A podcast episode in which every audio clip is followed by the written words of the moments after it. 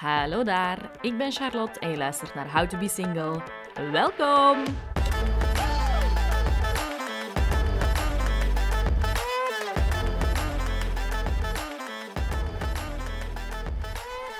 Hallo, bedankt om alweer te luisteren naar How Single. Kleine disclaimer voor jullie aan deze aflevering beginnen. Deze aflevering is digitaal opgenomen en dat hoor je soms wel een beetje in de kwaliteit. Ehm, inhoudelijk is het super interessant, maar het klinkt niet altijd even zuiver en helder als het zou moeten. Ehm, maar kijk, kan gebeuren zolang de inhoud uh, van hoge kwaliteit is. Dat is het belangrijkste, denk ik. Dus ik hoop dat jullie toch van de aflevering genieten. Dit is een aflevering met Lotte Sires. Lotte is seksuologe en relatietherapeut en ze is onder andere gepassioneerd door het vrouwelijke lichaam. Wat wij natuurlijk, of wat ik natuurlijk heel interessant vind.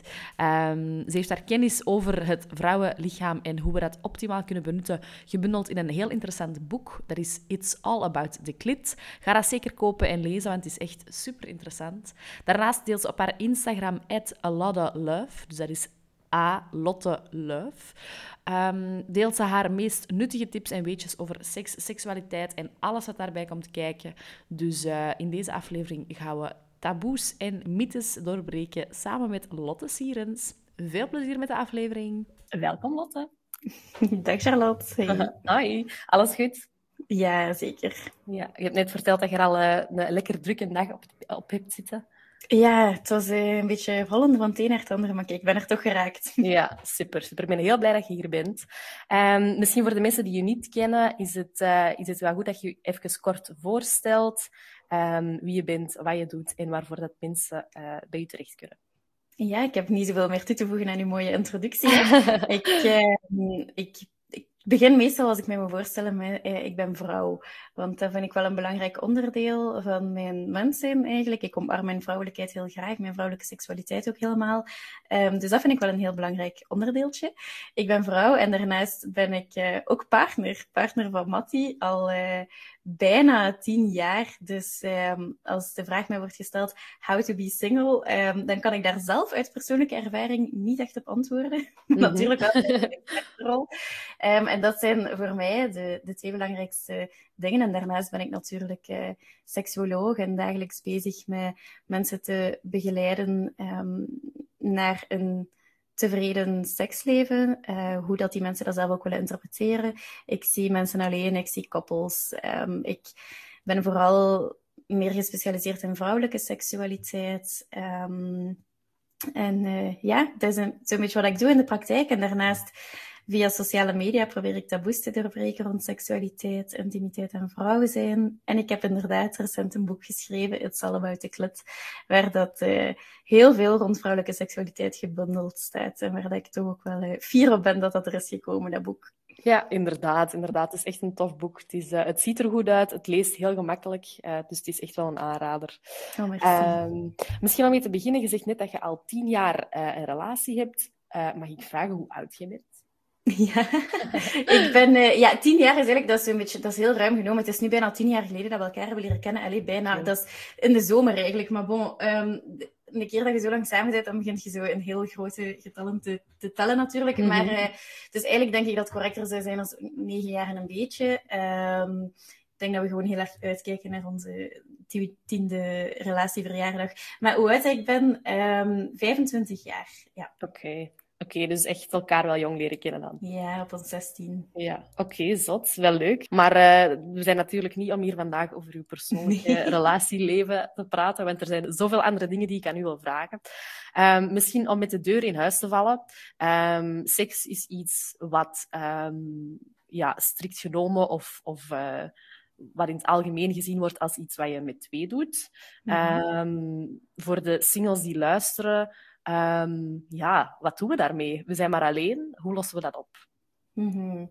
Ja, in de eerste plaats het klassieke antwoord. Je kunt altijd je eigen handje helpen. Mm -hmm. um, en gelukkig uh, bestaan er tegenwoordig ook allerlei hulpmiddeltjes voor, zoals, uh, zoals speeltjes, uh, maar zelfs gewoon al een simpel glijmiddel kan een heel fijn hulpmiddeltje zijn om jezelf een handje te helpen. En ja, je mag dat letterlijk nemen, hè, dat handje helpen. Ja. dus dat, dat is natuurlijk het, um, het klassieke antwoord. En dat is ook de meest gemakkelijke manier. Je hebt jezelf altijd ter beschikking. En daarnaast uh, bestaan er ja, heel veel andere vormen om toch een vorm van seksualiteit te beleven met andere mensen.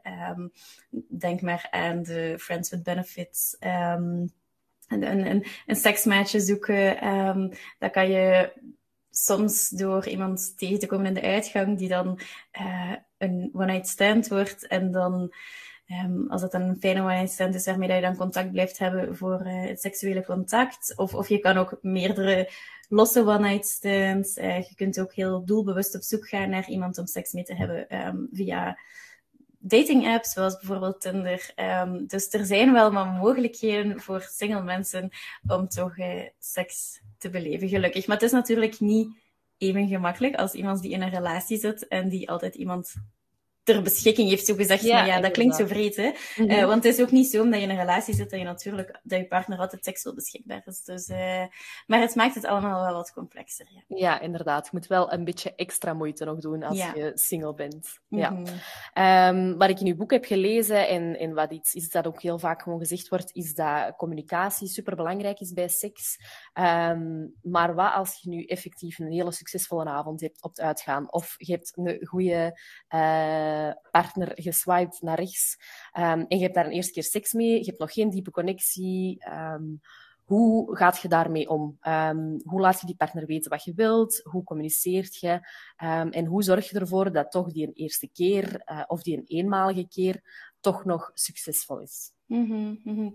Maar dat heb je waarschijnlijk gelezen in mijn boek ook. Bij elke nieuwe sekspartner ga je terug op zoek moeten gaan naar wat uh, jij fijn vindt, naar wat dat die andere persoon fijn vindt en wat dat er leuk is bij jullie samen. Dus um, toch bij elke nieuwe sekspartner zal een, een vorm van communicatie wel heel belangrijk zijn. En met iemand die je dan zo één keer ontmoet en waarbij dat je plan dan ook is om, die, om dat maar bij één keer te houden, dan zal het misschien vooral belangrijk zijn om... Uh, ook het heft in eigen handen te nemen. Bijvoorbeeld als vrouw, um, dat je jezelf wel wat stimuleert op een manier die je fijn vindt, terwijl dat je dan bijvoorbeeld penetratieseks aan het hebben, uh, ja, terwijl dat er penetratieseks is. Of, um, of om het toch ook echt wel gewoon te zeggen, dat mag ook. We, zouden zo'n beetje af moeten van het idee dat als je feedback moet geven aan je partner op seksueel vlak, dat het dan geen goede vrijpartij is, of dat hij dan geen uh, goede minnaar of geen goede minnares is.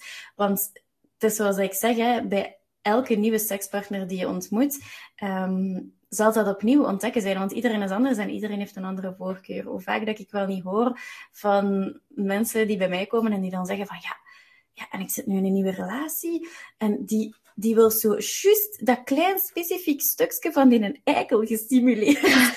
dat is echt... Ik heb dat nog nooit meegemaakt, zeggen die dan. En dan zeg ik, ja, kijk, ja, elke sekspartner is anders. En dat is niet anders voor single personen natuurlijk. Dus als jij iemand tegenkomt in de uitgang um, en jij weet van jezelf dat je een zeer specifieke voorkeur hebt of dat je X of Y heel graag hebt in de slaapkamer, dan mocht je dat ook wel zeggen. Um, of het heft in eigen handen nemen en maken dat je zelf aan je trekken komt, terwijl dat je natuurlijk die partner uh, erbij betrekt. Ja, oké, okay, dat vind ik een goede tip. Um, dus communiceren en gewoon echt durven is heel belangrijk. Mm -hmm. Maar uh, ik kan me e-mailen dat er veel mensen toch een beetje onzeker zijn als je een eerste keer met iemand nieuw uh, de lakens induikt. Um, heb je algemene tips over hoe dat je echt uh, met zelfvertrouwen aan de, aan de daad kunt beginnen, dat je stevig in je schoenen staat um, en dat je niet al te veel zorgen moet maken over wat die andere denkt. of dat je wel er goed genoeg uitziet, of dat je het wel kunt. Mm -hmm. um, mm -hmm. Ja, daar kunnen we heel breed in gaan, hè, op die vraag. Um, ga, het allerbelangrijkste om stevig in je schoenen te staan op seksueel vlak is sowieso dat je jezelf als seksuele persoon heel goed kent. Um, dat je op zoek gaat naar wat je zelf leuk vindt, dat je um, je eigen lichaam al een aantal keer hebt aangeraakt. Hoe meer, we weten dat vooral van vrouwen, hè, hoe meer dat ze masturberen en hoe meer dat ze die masturbatie als iets fijn ervaren, hoe meer dat ze klaarkomen, hoe meer seksuele zelfzekerheid dat er ook is en hoe meer seksueel verlangen dat ze voelen, omdat dat eigenlijk continu in je hersenen ook, omdat dat beloningssysteem continu wordt geactiveerd, waardoor dat je automatisch ook wel wat sterker in je schoenen voelt op seksueel vlak. Dus dat is al een hele belangrijke. Ken jezelf, ontdek jezelf, raak jezelf aan. Um, en daarnaast, ja, ik denk dat het een hele natuurlijke reflex is van mensen om uh, als ze iemand nieuw ontmoeten, dan wil je sowieso je beste beentje voorzetten. Hè? Mhm. Iedereen, ik denk niet dat er één persoon op de wereld is die zoiets heeft van, uh, als ik niemand, iemand nieuw ontmoet, dan wil ik eigenlijk dat je mij super stom en super slecht in bed vindt. Ja, nee, hè? je, wilt, je wilt er altijd wel zo goed mogelijk uitkomen en, en je wilt graag leuk gevonden worden en je wilt graag dat mensen um, u ook op seksueel vlak wel aantrekkelijk vinden. Dat is een heel menselijke trek. Um, en dat mag ook dat je dat wilt. Um, en om dan niet onzeker te zijn naar de andere persoon toe, ook daar is het misschien wel een keer uh, een vorm van feedback vragen. of, of toch vragen van, wat heb je graag? Heb je het liever zo? en daar wel wat samen in zoeken. En misschien is het ook wel helpend om te weten dat. Um, ik hoor heel vaak van mensen, ik doe maar wat op seksueel vlak. Mhm. En misschien is dat gewoon helpend om te weten dat iedereen eigenlijk maar gewoon wat doet op seksueel vlak. Zeker met een nieuwe partner, want je weet het dus niet wat hij leuk vindt. En uh, ja, seks uh, leren hebben met iemand nieuw, dat is een beetje gelijk fietsen. En in het begin voelt dat een beetje stuntelig en zijn aan het zoeken. Uh, maar na een tijdje zal dat wel wat meer vanzelf gaan. Um, als je dan natuurlijk herhaaldelijk diezelfde persoon hebt, als je dat niet hebt, dan is het gewoon vooral go with the flow. Geniet ervan en maak dat ook voor, vooral voor jezelf een leuke tijd is. Hè. Je hoeft niet in een one-night stand te stappen vanuit het idee, ik wil hier die andere nu de nacht van zijn of haar leven bezorgen. Je wilt ook vooral voor jezelf een leuke nacht. Hè. Dus ook daar, neem maar dat heft in eigen handen. En dat kun je dan doen als je jezelf meer seksueel zelfzeker voelt, doordat je jezelf al kent. Dus eigenlijk start alles daar zo wel een beetje. Ja, oké, dus even kort samengevat. Oefening baart kunst, dus mhm. gewoon heel veel doen. um, het is oké om af en toe een beetje egoïstisch te zijn en ervoor te zorgen dat je aan je trekken komt. Zeker. En um, wat ik ook wel een hele interessante vind, door te masturberen, door klaar te komen, komen er bepaalde stoffen vrij in je hersenen, waardoor je automatisch meer zelfvertrouwen krijgt. Heb ik dat goed begrepen? Ja, daardoor wordt eigenlijk ook je seksueel verlangen wel wat aangewakkerd. En um, de stoffen die vrijkomen, zoals oxytocine, zoals dopamine, dat zijn de stoffen die je euforisch doen voelen en die je wel inderdaad ook wel wat beter gaan doen voelen over jezelf. Het is nu niet dat je, als je een super onzeker persoon bent en um, je masturbeert twee keer, dat je daardoor kei zelfzeker gaat voelen, maar het kan wel echt iets doen voor je zelfvertrouwen. Um, en dat onderschatten mensen vaak. Dus, uh, dus ja, dat is uh, zeker een goede tip. Okay. Allemaal masturberen. Ja, voilà. Op voorschrift van, uh, van Lotte gaan we met z'n allen gewoon masturberen. Oké. Okay. Maar moet niet, hè. Ik wil het wel even zeggen, want... Nee, nee, nee. nee, Er, als je je niet comfortabel of niet oké voelt bij masturberen, dat, dat is ook oké, okay, um, het moet vooral een bewuste keuze zijn. Doe je het wel of doe je het niet. Um, en je moet, je moet je er goed bij voelen. Als het, als op seks aankomt, uh, niks moet. Alles mag, zolang dat jij je, je goed voelt en de mensen die erin deelnemen. Ja, inderdaad. Voilà. Heel belangrijk. Um, misschien gekoppeld aan het masturberen is een best een groot issue dat je in je boek ook aankaart en wat ik ook echt um, mee de wereld uit wil helpen, is de orgasmekloof. Um, mm. Wat eigenlijk toch als je erbij nadenkt, iets absurd is. Kun je misschien kort uitleggen wat dat juist is um, en, en hoe dat tot stand is gekomen? Mm -hmm, De orgasmekloof is eigenlijk um, voornamelijk een heteroseksueel probleem. En dat is het uh, verschil tussen het aantal keren dat een man klaarkomt tijdens heteroseks en de vrouw klaarkomt. En dan zien we dat daar dus inderdaad een hele grote kloof in zit. De uh, mannen, er is een heel groot onderzoek gebeurd in 2018 uh, met meer dan 50.000 deelnemers. In Amerika was dat. En dan mhm. zien we dat mannen daar eigenlijk, 95% van de mannen die geeft aan dat ze bijna altijd tot altijd klaarkomen tijdens de seksuele interactie met een partner. Um, en als we gaan kijken naar de heteroseksuele vrouwen, dan is dat maar um, ehm, 65%. Dus dat is een hele hoop minder. En mhm. daar is dan nog een keer, dat is belangrijk om te benadrukken, daar is dan nog een keer uh, niet gekeken naar de vorm van seks die ze hebben. Dus dit gaat echt gewoon over een vrijpartij. Maar we weten wel dat de, um, de klassieke vrijpartij in een heteroseksueel koppel is vaak heel gefocust op penetratieseks. Mm En als we dan puur daarnaar gaan kijken, dan zien we dat opnieuw, die 95% van de mannen, dat die wel um, klaarkomen door penetratieseks. Maar als ze enkel naar penetratieseks kijken, dan is er maar ongeveer een derde, allee, 30% van de vrouwen, of soms zelfs minder, het hangt een beetje af van, van welk onderzoek hoor. Uh, soms zie je ook 20% um, of 25%. Maar laten we zeggen, laten we dan een vierde zeggen, hè. Um, een vierde van de vrouwen die, uh, die maar klaar kan komen door penetratieseks alleen. Um, en dan die orgasmekloof en dat grote onderzoek dat we gezien hebben, daarbij is er, uh, zien we dus gelukkig dat er een aantal mensen zijn die ook andere vormen van seks integreren in een uh, seksuele spel met, met de partner in hetero-koppels. Maar dan nog zien we, jammer genoeg, dat die focus veel te fel nog steeds ligt op penetratieseks, waardoor dat dan ja, die 95% van de mannen klaarkomt en die 65% van de vrouwen, en dat er toch wel 35% van de vrouwen um, en in de kou blijft staan. En dan kun je zeggen, is dat orgasme dan zo noodzakelijk? Moet dat er altijd zijn? En dan is mijn antwoord zeker nee. Hè. Je kunt perfect genieten van een vrijpartij zonder dat dat orgasme erbij moet komen. Want dan, dat kan ook heel veel druk geven om daar zo naartoe te werken. Zowel mhm. voor man als voor vrouw. Maar tegelijkertijd um, zien we wel dat het altijd de mannen zijn die klaarkomen en altijd de vrouwen zijn die dan zo vaak aan hun lot worden overgelaten. En dat is jammer en dat zou niet mogen. Um, het, is, het is heel vaak dat zo wordt verteld van een vrouwenlichaam is zoveel moeilijker, een vrouw is zoveel moeilijker om tot een orgasme te komen. En eigenlijk is dat helemaal niet waar. Dat is echt pure bullshit. Oei, mag ik vloeken op de podcast? Absoluut, graag zelfs. Zeker als het hierover gaat. Er mag over gevloekt worden.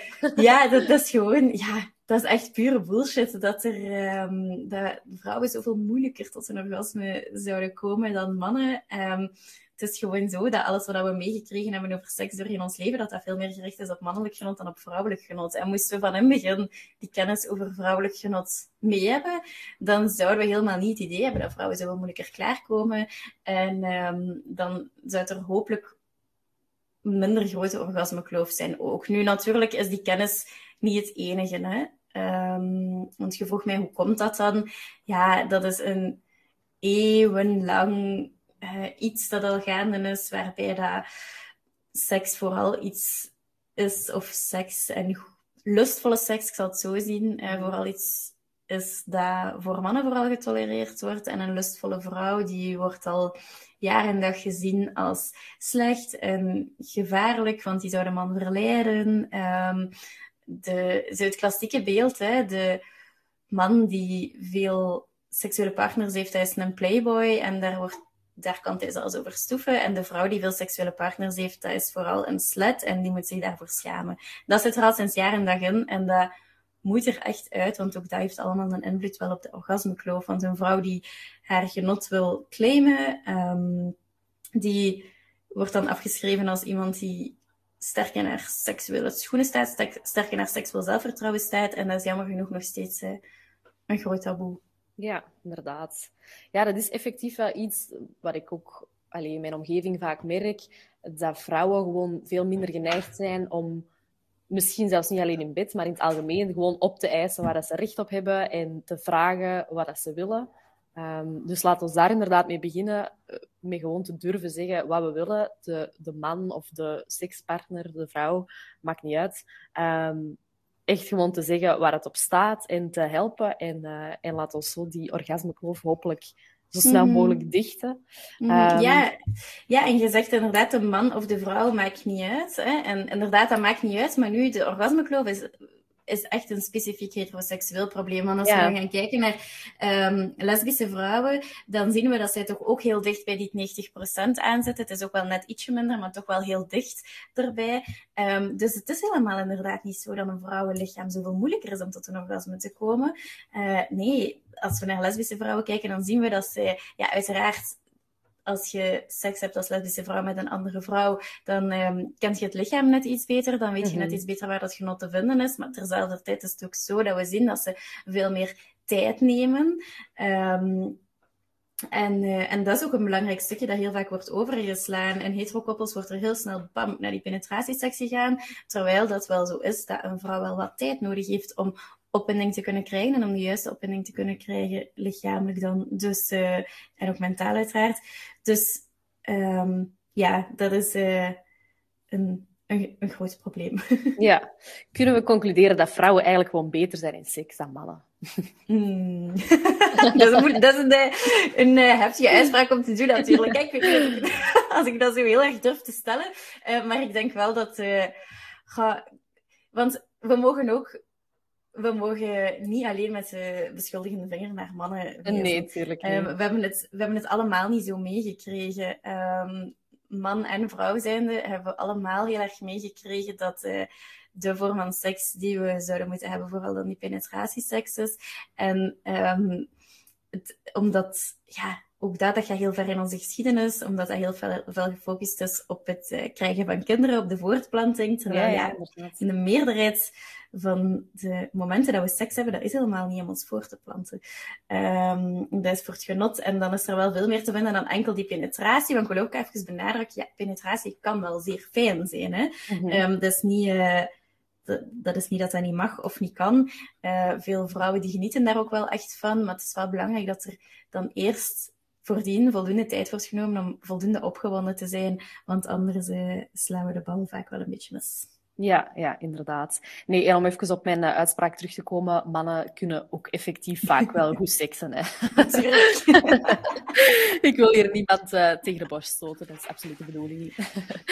um, heb je tips voor, uh, voor dames, echt op vlak van uh, seksspeeltjes, zowel om alleen te gebruiken als misschien uh, samen met je partner, die er echt wel voor kunnen zorgen dat je nog meer kunt genieten in bed, dat je um, misschien meer kans hebt op een orgasme? Zijn er zo echt bepaalde favorieten die je hebt en die je wilt delen?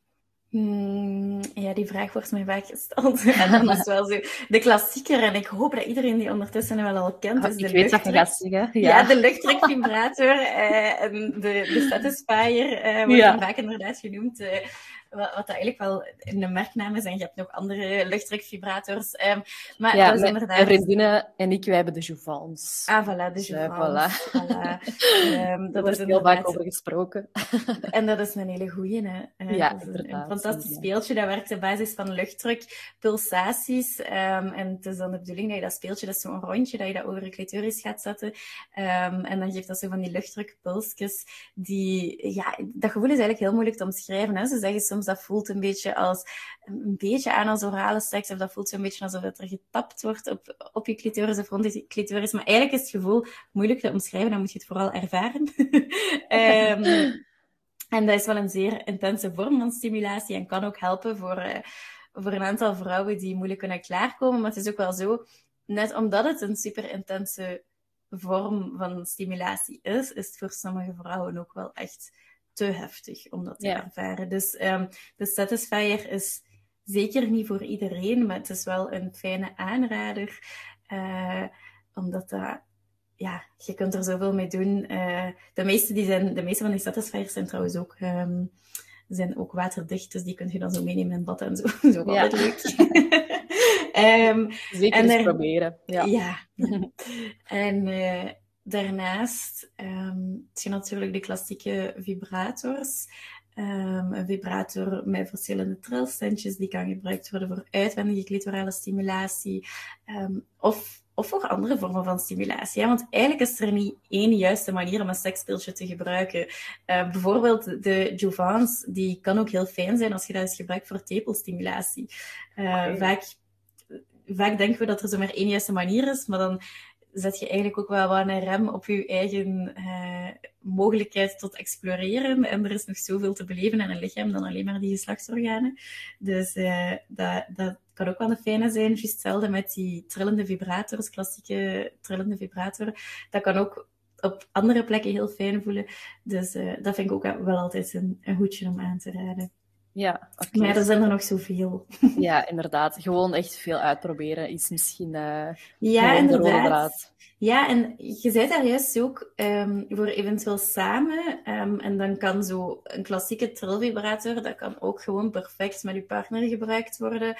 Um, bijvoorbeeld tijdens penetratieseks kun je dat als vrouw op je clitoris houden, waardoor dat die trillingen ook wel wat doorgaan naar de penis. Um, of je kunt dat gebruiken um, rond de balzak op de eikel. Maar er zijn ook heel fijne koppelspeeltjes die dan zo um, van die langere oortjes hebben, die je dan op de, als vrouw op de vulvalippen kan leggen. En die dan zo eigenlijk rond de penis gaan tijdens penetratie. Er zijn ook trillende penisringen die stimulatie geven tijdens penetratie. Dus allee, er is een heel gamma. En ik zou daarin vooral zeggen, um, ga een keer gaan kijken op het internet wat er is, wat je eventueel kan interesseren en bestel dan een keer iets en probeer maar. Het enige is natuurlijk dat je een seksbeeldje niet kunt terugsturen als je via staat. is maar best ook. Nee, en koop ze um, ook niet tweedehands misschien best. ja, best inderdaad. Dus, um, maar ja, er is een, een heel gamma en uh, je kunt het zo zot niet bedenken. Dus... Nee, inderdaad, inderdaad. Wij hebben een paar jaar geleden met de vriendinnen zo'n uh, zo'n upper dare party gehad, waarin oh, dat ja, dan... Ja, alle seksspeeltjes helemaal werden uitgelegd. Konden we ze ook allemaal eens voelen. Allee, met, de, met onze vingers, niet nergens anders. Um, dus dat is wel ook misschien een aanrader voor een toffe girls of boys night. Um, om dat eens Ja. te gaan ontdekken. Omdat je dan ook echt uh, uitleg krijgt op maat. Mhm. Dus dat is super tof. En wat ik daar echt van heb onthouden, ook over die, uh, over die Jouvence, over die Satisfier. Die vrouw vertelde toen dat er um, een klant van haar um, had kanker gehad, had chemotherapie gehad, waardoor blijkbaar heb je dan, kun je dan moeilijker orgasmes krijgen, of is dat vaak Mhm. een, een gevolg van chemotherapie bijvoorbeeld. Mhm. Um, en zij vertelde een anekdote dat dus een van haar klanten die Jouvence of die Satisfier had gekocht en uh, super emotioneel daarna haar had opgebeld om dus te vertellen dat het eindelijk na zoveel jaar Oh. terug gelukt was om, uh, om een orgasme te krijgen. Dus Oh. um, het kan dus effectief wel uh, superveel helpen. Dus dat is wel een Mhm. verhaal dat ik altijd heb onthouden. Dus uh, ik raad hem absoluut iedereen aan. Al die mooie reclames. Ja. hè. Ja, maar dat is inderdaad heel tof, zo'n eh, zo'n avond. Toen ik heb zelf nog eh, als student, toen ik student seksuologie was, heb ik eh, gewerkt bij Ladies Night. Dat is ook zo'n bedrijf dat Ah, ja, eh, oké. vriendinnenavonden doet thuis met, eh met seksspeeltjes. En ik vond dat ook zo tof om te doen, want dat brengt dan inderdaad een groepje vriendinnen samen. En dan eh kun je gewoon een avondje babbelen over seks. En eh, dat ijs wordt dan ook zo wel meteen gebroken. Eh, en dan hebben ze een heel gamma aan seksspeeltjes dat daar inderdaad allemaal wordt uitgelegd voor u. Je kunt ze ook allemaal een keer bekijken en je handen voelen. Um, dus net als dat jij zegt, dat is echt wel een fijn moment om het ook wel allemaal wat gekaderd te krijgen. En dan moet je Mhm. niet zo online, waar dat het aanbod gigantisch groot is, uh, Ja, gaan uitzoeken. Dus dat is een super tip van u. Inderdaad, ja. En ook een voordeel, vaak uh, zijn die betalingen en zo, is dat een andere naam. Hè? Dus als je dan een gedeelde rekening hebt Ja. of zo, of je ouders kijken nog mee, dan uh, hoeven die dat niet te weten. En wordt dat ook dan anoniem verzonden. Maar, nog een kleine persoonlijke anekdote. Toen ik dat had gedaan, dat was zo'n beetje mijn housewarming. En uh, dat was rond de Sinterklaasperiode. En dat werd dan allemaal geleverd uh, bij de post in één grote doos. Ik moest dat dan verdelen onder mijn Ah, ja. vriendinnen. En uh, dat was dus effectief een andere afzender. Dus dat was eigenlijk aan die doos niet te zien van waar het kwam. Maar de man bij het postkantoor zei zo best op een creepy manier zo... Ah, ben je braaf geweest? Precies een groot pakje van de Sint. Oh Dus dat was my echt mega creepy, ja. Dus ik weet dat op de dag van vandaag niet. Kende die nu dat bedrijf? Of was dat gewoon creepy in het algemeen? Ik weet het niet. Maar in principe is dat niks om je zorgen over te maken. Maar uh, ik draag het toch nog altijd mee. Ja. ja, dat is wel een, ambetant moment. inderdaad. Ja, inderdaad.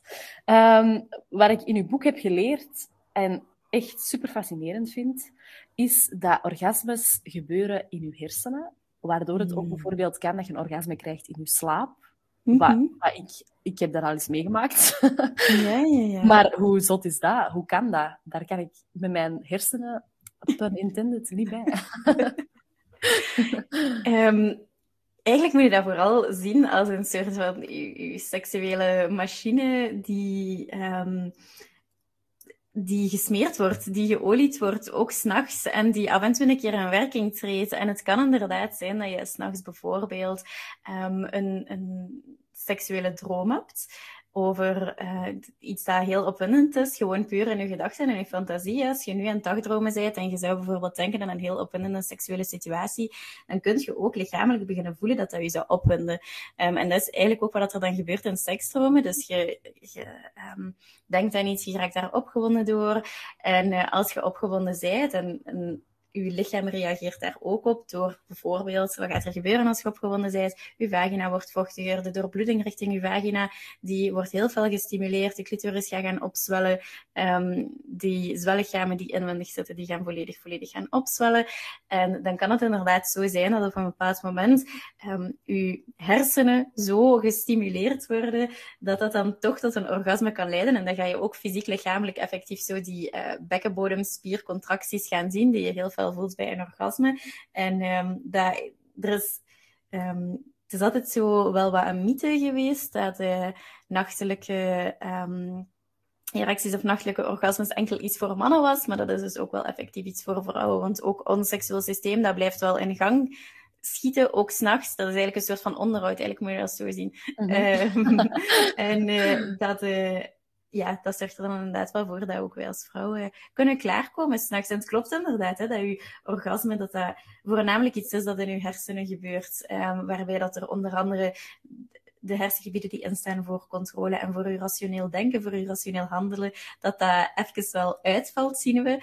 Um, dus dat is ook zeer belangrijk dat je bij een orgasme de controle wel effectief kan loslaten. Want mensen die daar heel veel moeite mee met controle loslaten, zien we dat ook wel soms, dat zij dan wat moeilijker hebben om een orgasme te bereiken. Dus uh, ja, dat is uh, zeker uh, iets boeiends. Ja, inderdaad, inderdaad. Ja, ik zou zeggen aan de luisteraars, laat het mij zeker weten als je het ook al eens hebt meegemaakt, uh, s'nachts een orgasme, want ik vind het heel, heel fascinerend. Ja, er zijn inderdaad, er zijn, ja, er zijn best wel wat vrouwen die dat al eens gehad hebben. Ze. Um, en dat is alleen maar leuk, uh, leuk wakker worden dan. Ja, absoluut. um, in uw boek heb je een paar uh, clitoris-mythes ontkracht, um, waarvan de clitoris-DJ mijn favoriet was. omdat het heel goed klinkt en ook gewoon heel, uh, heel herkenbaar was. Um, dus ja, als de mensen willen weten wat de clitoris DJ is, moeten ze uw boek best lezen. Um, wat vind jij de allerbelangrijkste mythe die absoluut uit de wereld moet?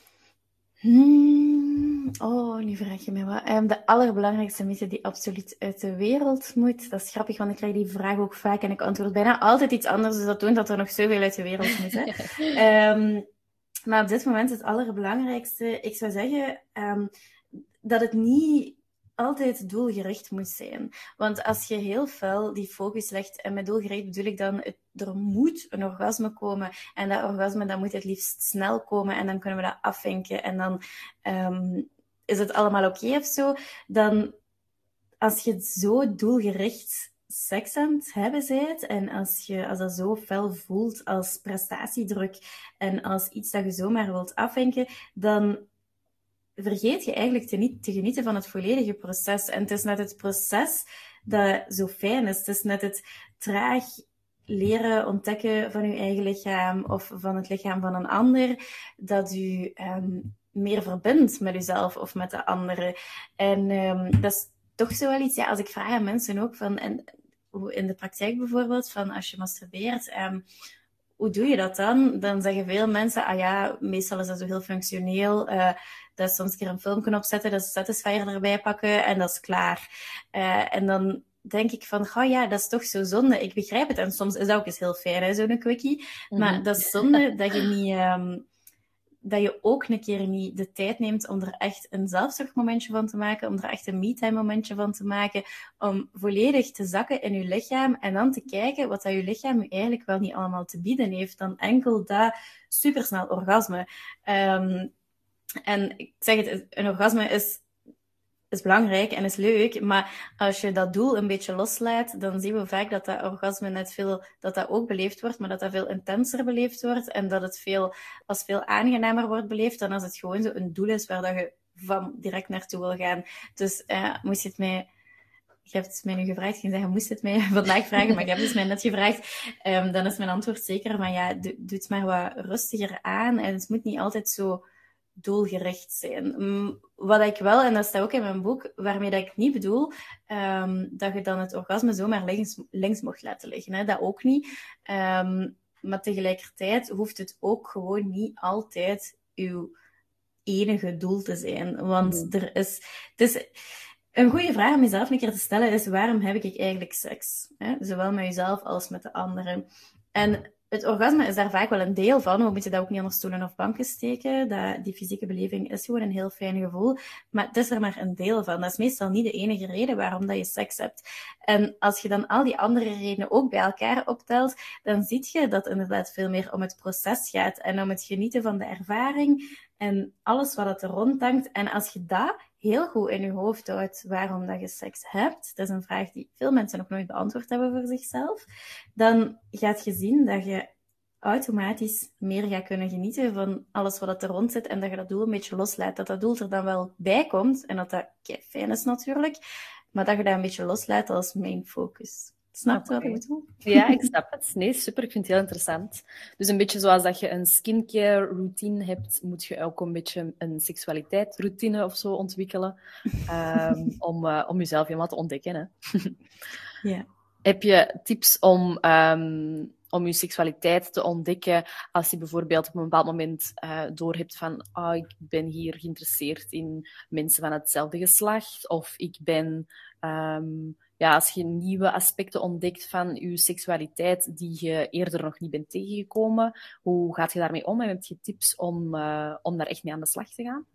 Um, een eerste zeer belangrijk iets daarin is vooral niet oordeelloos, uh, niet, wel oordeelloos. niet niet oordelend zijn naar jezelf toe. Hè? Dus zeer oordeelloos. Uh, want er kan, zeker als het gaat over seksuele voorkeuren, welke seksuele voorkeuren dat dat dan ook zijn, of dat dan nu gaat over mensen met hetzelfde geslacht, of uh, de meer extreme kinks, uh, die klassiek wel als wat extremer worden bestempeld, um, dan kan er daar wel wat oordeel rondhangen, ook naar jezelf toe. En dat uh, neemt gewoon heel veel van je seksuele beleving weg als je seksualiteit gaat ontdekken met zeer veel oordeel naar jezelf toe. Dus in de eerste plaats zal dat wel wat werken zijn aan um, dat stukje. En als je dan voelt van oké, okay, het oordeel zit er niet echt, of ik wil het echt effectief gaan ontdekken, dan is het in de eerste plaats belangrijk dat je het um, opnieuw daar, hè, maar ik word een beetje afgezaagd, dat je het met jezelf gaat ontdekken.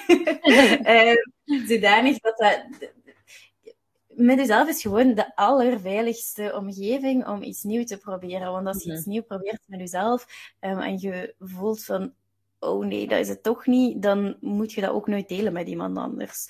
Um, dus Um, en, en dan, als je toch het idee hebt van oké, okay, ik wil eens gaan experimenteren bijvoorbeeld, um, met seks met iemand met hetzelfde geslacht. Probeer dat dan te doen met iemand waarbij dat je veilig voelt. Dat is wel een mhm. hele belangrijke. Als je nieuwe dingen wilt gaan ontdekken op seksueel vlak, wat dat, dat ook is. Als, nu, als het gaat over mensen met hetzelfde geslacht, als het gaat over bijvoorbeeld um, um, BDSM of shibari, uh, dat is zo... Um, met ropes werken. Um, om wat dat ook gaat, hè, doet het als je het met iemand anders wilt beleven, doe het met iemand waarbij dat je veilig voelt en waarbij dat je eigenlijk ook goed aangeeft dat voor u de eerste keer is dat je dit ontdekt. Zodanig dat die andere persoon dat ook wel weet. Ook al is dat een one-night stand. Want soms, soms kan het gebeuren dat je op een one-night stand ook nieuwe dingen probeert. Mhm. Maar ook als dat een one-night stand is, um, probeer dat toch duidelijk te maken dat dat de eerste keer is dat je dat specifieke dingetje gaat ontdekken, zodanig dat die andere persoon dat ook weet en dat hij dat kan respecteren. Want als die dat niet weet, uh, ja, dan neemt je eigenlijk ook wel een stukje van je eigen veiligheid weg door daar niet voor op te komen. En dan kan het zijn dat die andere persoon dingen doet of zegt die voor u helemaal niet comfortabel voelen, terwijl dat er natuurlijk ook wel een stukje um, een, een ja, een belangrijk stuk zit in het toch wel zelf aangeven van kijk, ik wil dit proberen, maar het is de eerste keer. Kun je mij daar wel in begeleiden bijvoorbeeld? Een, een safe word afspreken. Um, en ja, dat, dat gaat rond alles. Hè. Dus doe het vooral eerst met jezelf. Als het niet mogelijk is om het met jezelf te ontdekken. Bijvoorbeeld als het dan inderdaad gaat over mensen die zeggen, ik wil experimenteren met iemand met hetzelfde geslacht. Ja goed, je kunt dan wel naar porno kijken, maar dat is helemaal niet hetzelfde als experimenteren um, met iemand van hetzelfde geslacht dan kan je dat effectief proberen. Maar daarin um, doe dat in een context waarin dat je jezelf zeer, zeer veilig voelt. Dat is wel belangrijk. Ja, inderdaad. Dus veiligheid en communicatie zijn mm -hmm. super belangrijk. Mm -hmm. um, je hebt het net al even gezegd, uh, porno kijken, ook uh, een groot taboe, vooral bij vrouwen.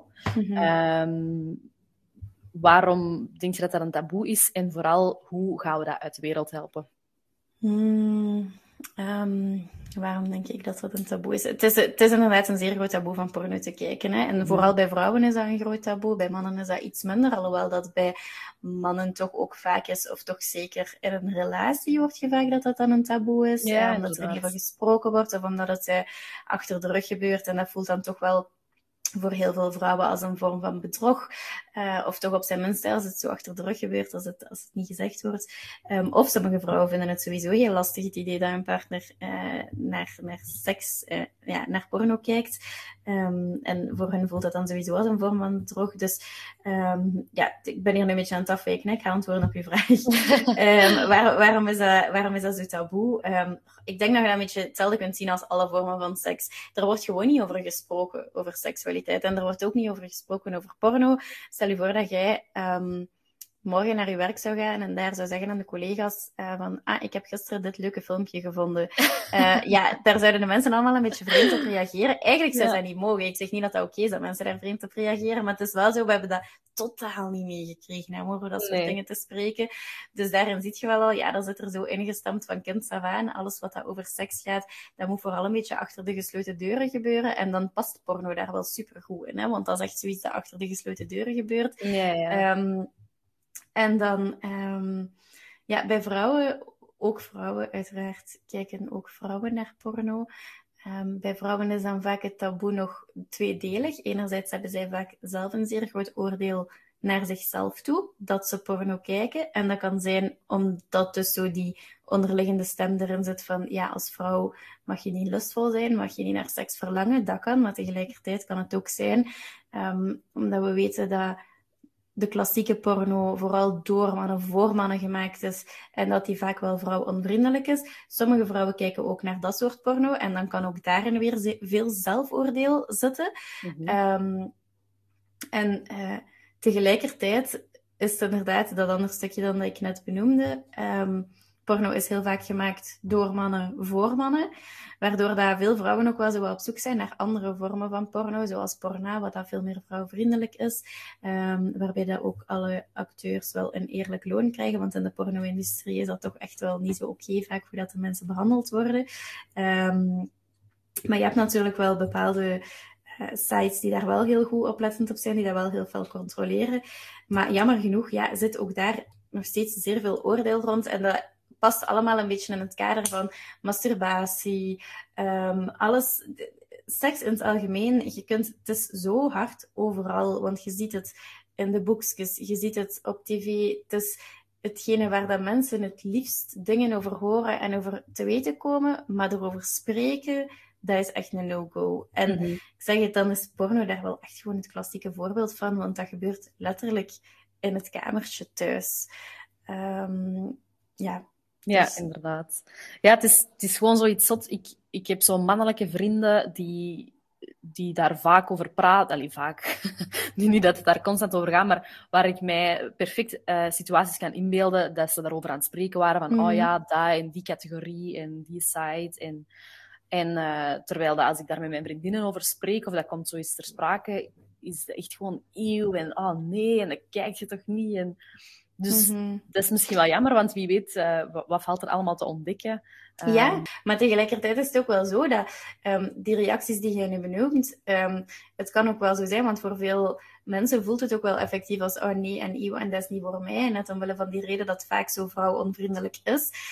maar omdat er zo weinig over gesproken wordt, weten weinig vrouwen bijvoorbeeld over het bestaan van porna. En een, een zeer grote misvatting die over porna heerst, is dat dat zo de um, lieve vanille seks is, maar dat hoeft absoluut niet zo te zijn. Hè. Dat kan ook zeer harde um, seks zijn, of zeer harde vormen van seks, maar er is gewoon meer aandacht voor het vrouwelijke genot, waardoor dat als vrouw vaak ook wel wat fijner is om naar te kijken, omdat je dan in die plek kunt stellen.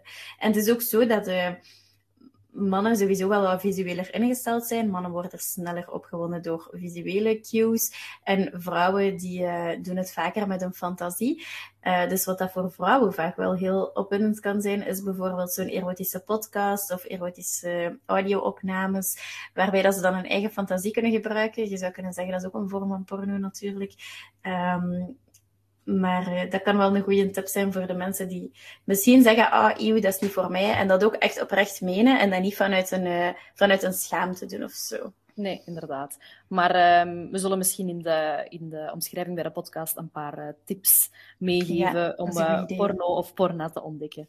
Um, dat we het taboe toch een beetje mee kunnen doorbreken. um, wat ik ook nog heel graag aan u wilde vragen, het is even iets totaal anders.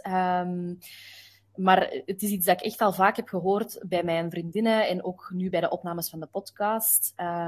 dat is dat als single, maar ook als, als uh, persoon in een relatie, um, heb je als vrouw vaak um, een beetje up, ups en downs, een beetje struggles. En heel veel vrouwen linken dat aan hun hormonen. En ik denk ook dat dat effectief wel klopt. Mm -hmm. um, dat je soms echt heel down kunt voelen, heel eenzaam kunt voelen. Is dat effectief iets wat... Uh, wat voor een groot deel te wijten is aan hormonen volgens u. En um, doordat we daar misschien een beetje bewustzijn rond kunnen creëren en dat ook effectief kunnen erkennen, um, kan dat ons misschien als vrouw wel helpen dat we gewoon weten van oké, dit is gewoon even een moment. Het is nu zo dat ik me even slecht voel, maar dat is gedeeltelijk te wijten aan die hormonen. Dus het komt wel goed, er is perspectief, er is weer uh, verbetering in zicht. Mm -hmm. Wat is yeah. uw, uh, uw deskundige standpunt mhm. daarover? ja. Ja, dat is inderdaad een, een heel ander thema. Um, het is zo dat je hormonen sowieso een hele grote impact hebben op hoe dat je voelt uh, doorheen de maand. Als vrouw hebben we een maandcyclus waarbij mhm. dat je eigenlijk vier verschillende fasen doorloopt. Um, dat begint met je menstruatie, dan ga je naar de folliculaire fase, dan heb je de ovulatie of je ijsprong en dan de luteale fase en zo weer de menstruatie. Dus dat zijn vier fases die je doorloopt. En dan zien we inderdaad dat um, vlak voor de menstruatie, dat is de luteale fase en de menstruatie zelf vaak ook nog, dat vrouwen zich vaak wel wat, net iets meer down voelen, zowel wel last hebben van mood swings. Um, dat, zijn de, dat zijn nog de normale symptomen, maar als het echt zo gaat over, um, ik voel mij echt depressief rond die periode, uh, ik voel me echt niet goed, dan is, dan is dat eigenlijk niet meer normaal. Eigenlijk moet je niet heel veel klachten hebben van, uh, van je cyclus. Um, maar zo het, het net iets minder voelen. Het is ook zeer normaal bijvoorbeeld dat je in de aanloop naar uw menstruatie, uh, dus in de luteale fase, dat je dan zo wat meer wilt gaan afzonderen, dat je dan niet zo sociaal wilt zijn, buiten in de folliculaire fase, uh, dat is de periode voor je ovulatie, en tijdens de ovulatie zelf, dan zijn je vaak veel meer outgoing en wilt je net omringen door heel veel sociaal contact en sociale evenementen. Uh, dus het is inderdaad wel zo dat we daar als vrouw um, heel anders in zijn. Je kunt vier verschillende personen zijn doorheen een hele maand. En dat mhm. is zeer belangrijk dat er wel wat awareness rond is. Maar dat is natuurlijk voor vrouwen die niet aan de hormonale anticonceptie zitten. Vrouwen die hormonale anticonceptie nemen, um, die hebben natuurlijk die natuurlijke cyclus niet. Die hebben een heel andere cyclus. Uh, maar dan kan je ook merken dat je bijvoorbeeld uh, rond je menstruatie, dat je wel wat meer down zit. Um, en ook dat, ja, dat mag wel wat aandacht verdienen. Hè. Het is inderdaad normaal. Dat is een periode van tot jezelf keren. Er is letterlijk uw lichaam is aan het resetten op dat moment, want dat bloed komt eruit. Dat maakt plaats voor opnieuw een nieuwe cyclus. En um, het, uh, dat, ja, je bent aan het resetten, dus je moet ook mentaal een beetje resetten op dat moment. En ik vind het eigenlijk wel belangrijk dat, dat je die vraag stelt, want dat moet inderdaad wel wat genormaliseerd worden. Um, maar ja, en als je het dan natuurlijk hebt over de single vrouwen die zich, uh, die zich soms eens eenzaam voelen, ook dat is, um, ja, ik denk dat dat, denk dat, dat heel normaal is. Um, en tegelijkertijd kunnen ook mensen in een relatie zich soms zeer eenzaam voelen. En het is eigenlijk vooral belangrijk dat we daarover spreken, wat meer over onze mentale gezondheid, over het ik voel mij nu eenzaam. Um, en dat je daarin zowel aandacht en respect hebt voor je nood in het aan rust en misschien soms zelfs nog meer alleen zijn om het alleen te verwerken en tegelijkertijd uw nood aan een persoon, iemand naast die u, die u daar wat in steunt en die u daar wat in uh, begeleidt. Is dat een beetje een antwoord op jouw vraag? Ja, absoluut, absoluut. Um, dus sowieso denk ik het onderwerp waar, waar we een hele aparte podcast aflevering Ja, exact, dat dacht ik ook. ik dacht, ja, oké, die hormonen, daar, daar kunnen we zeer, zeer breed op ingaan en ja, inderdaad. uitweiden. Uh, maar ik hoop dat ik het zo een beetje beknopt heb kunnen zeggen uh, wat dat precies allemaal, absoluut, allemaal is. Absoluut. Um, wanneer, wanneer is het volgens u tijd om naar een seksuoloog te stappen? Om echt uh, hulp te gaan inschakelen bij uw eigen seksualiteit, bij uw seksleven, bij uw, um, ja, uw eigen lichaam? Um, wanneer zegt jij van oké, okay, nu gaan we echt wel professionele ondersteuning inschakelen? Vanaf wanneer is dat mm -hmm. nodig? Goh, eigenlijk kan dat al zeer snel. En ik heb liever dat mensen het sneller doen dan dat ze er heel lang mee wachten. Want we weten dat mhm. mensen gemiddeld zeven jaar blijven rondlopen met een seksueel probleem vooraleer dat ze bij de seksuoloog terechtkomen. Dat is echt gigantisch lang. Ja, inderdaad. Uh, maar genoeg is dan vaak zo dat we wel veel langer of meer werk hebben dan als ze al veel eerder waren gekomen. Um, dus ik zou zeggen, van het moment dat je denkt, oh, misschien is een seksuoloog wel een optie, dan is de kans zeer groot dat je het uh, al wat eerder had kunnen doen ook. Dus dan mm -hmm. kun je wel gaan. Er is ook niks mis met gewoon een keer um, een informerend kennismakingsgesprek, een intakegesprek te doen. Uh, soms zie ik mensen maar één of twee keer, omdat ze echt gewoon nooit hebben aan een beetje informatie. Uh, anders natuurlijk, als het meer therapeutisch is, dat we te werk gaan. Sommige mensen zie ik uh, veel langer. Um, maar, dat is ook oké. Maar eigenlijk is dat... Je, je zou de vraag anders kunnen stellen dan je zou kunnen zeggen wanneer is, is seks een probleem? En dan is het antwoord, um, een probleem is een probleem als jij het een probleem vindt. Mm -hmm. dat, zei, dat zei onze prof altijd in de opleiding. En ik vind dat eigenlijk wel inderdaad een goeie. Want het is zo, ja, voor de ene, je zou bijvoorbeeld kunnen zeggen laag seksueel verlangen. Voor de ene is dat helemaal geen probleem. Maar voor de andere is dat wel een groot probleem. Bijvoorbeeld omdat het een hele grote invloed heeft op een relatie. En dan is het een probleem. En dan kunnen we er samen aan werken. Dus als jij voor jezelf of alleen um, toch wel wat struggles op seksueel vlak of daar wel wat vragen rond hebt, dan is er niks mis met een keer aan te kloppen bij een seksuoloog. Um, wij doen ook helemaal geen gekke dingen. Dat is een vorm van gesprekstherapie, want sommige mm -hmm. mensen denken ik ga daar van alles moeten doen. Yeah. Um, ja, nee, helemaal niet. Hè. Dat is gewoon een vorm van gesprekstherapie. En uh, wij proberen... Allee, proberen. Wij hechten als seksuoloog ook zeer veel belang aan een veilig kader, want dat is echt, echt belangrijk, omdat je over zo'n intieme dingen aan het spreken bent. Um, waardoor, de, ja, waardoor dat mensen zich echt wel op hun gemak moeten voelen. Dus uh, ik denk dat dat wel belangrijk is dat mensen dat weten, dat we daar niet direct uh, de, de meest intieme dingen gaan um, uit hun sleuren. Hè. Alles op het tempo van de, van de cliënt, zeg ik altijd. Dus ja. uh, wanneer is het tijd? Als je zelf het gevoel hebt dat het, dat het tijd is. En bijvoorbeeld, um, nog belangrijk om wel te zeggen, we hebben het daar nu niet over gehad, hè, maar pijn tijdens het vrijen is nooit, nooit, nooit normaal. En er zijn zoveel mensen die keer op keer denken, oh, het is maar een beetje, ik zal wel op mijn tanden bijten. Um, en dat is zo, zo zonde, want dan komt je eigenlijk in een vicieuze cirkel terecht van pijn en dan blijft die pijn dat dominant aanwezig, terwijl dat, dat eigenlijk echt niet zo is. Seks zou fijn moeten kunnen zijn. En die pijn hoort er absoluut niet bij. En als je dan naar een seksuoloog of naar een gynaecoloog gaat, um, dan kunnen wij je daar zeker verder mee helpen. Dus dat is zeker als je een vorm van pijn hebt, of dat je nu een vrouw of een man bent, um, is een bezoekje aan een seksoloog zeker waard dan. Oké, okay, oké, okay, super. Dat is uh, heel duidelijk en, uh, en heel bruikbaar, denk ik, ook voor veel mensen. Um, om die een drempel een beetje te verlagen, mm. om mhm. toch de stap te durven zetten. Um, je hebt aan het begin van, van het gesprek verteld dat je zelf uh, al, een, al lang in een relatie bent. Maar mm. als je dan vanuit professioneel oogpunt misschien één tip zou mogen geven over how to be single, wat zou die tip dan zijn? Die tip zou zijn ook als single, als het dan gaat over je seksleven, probeer toch te communiceren. Als je zelf een fijn seksleven wilt, eh, dan denk ik dat dat belangrijk is. En dat kun je dat is misschien een hele goede bruikbare tip. Dat kun je ook op een heel subtiele manier. Uh, tijdens seks, bijvoorbeeld met je one-night stand, als die iets goed aan het doen is, laat een keer uh, een kreun ontsnappen, net op het juiste moment, zodat hij die, dat moet natuurlijk aan de andere kant nog goed begrepen worden. Zo, um, of, of bijvoorbeeld eventjes een hand te pakken en dat wat te verplaatsen van positie. Um, dat is ook een vorm van communicatie. Hè? Dus je moet dat niet altijd zien als, uh, ja, je moet seks niet doodbabbelen natuurlijk. Hè? Um, of als een letterlijk handboek voorlezen. Nee. Maar toch ook als single, hè, als, je, als je er een fijne seksuele ervaring van wilt maken, dan is, uh, dan is die communicatie zeker ook belangrijk. En verder, ja, um, ontdek maar, hè, doe maar. Hè. Ja, super. Voilà, dat vind ik uh, hele mooie woorden om je af te sluiten. Ontdek maar en doe maar. super. Lotte, super hard bedankt um, voor uw tijd. Misschien nog heel belangrijk, um, waar kunnen mensen u vinden en waar kunnen de mensen uw boek kopen? Um, ze kunnen mijn boek kopen op mijn website www.alottelove.be of in alle boekhandels. Um, ze kunnen mij vinden op sociale media op um, @alottelove, wat je schrijft als A Lotte Love. voilà.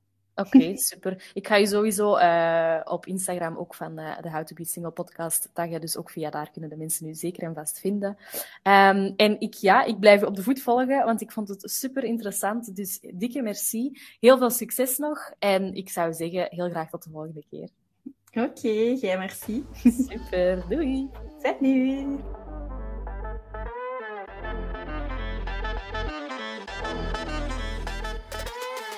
Bedankt om te luisteren naar How to Be Single. Genoten van de aflevering? Abonneer je dan op de podcast, laat een goede rating achter en deel het op je socials, zodat nog meer mensen hem kunnen vinden. En vergeet me zeker niet te taggen en te volgen op Instagram via @howtobesingle. Heb je ideeën, tips of gewoon een goed verhaal? Slide in my DM's. Talk to you soon!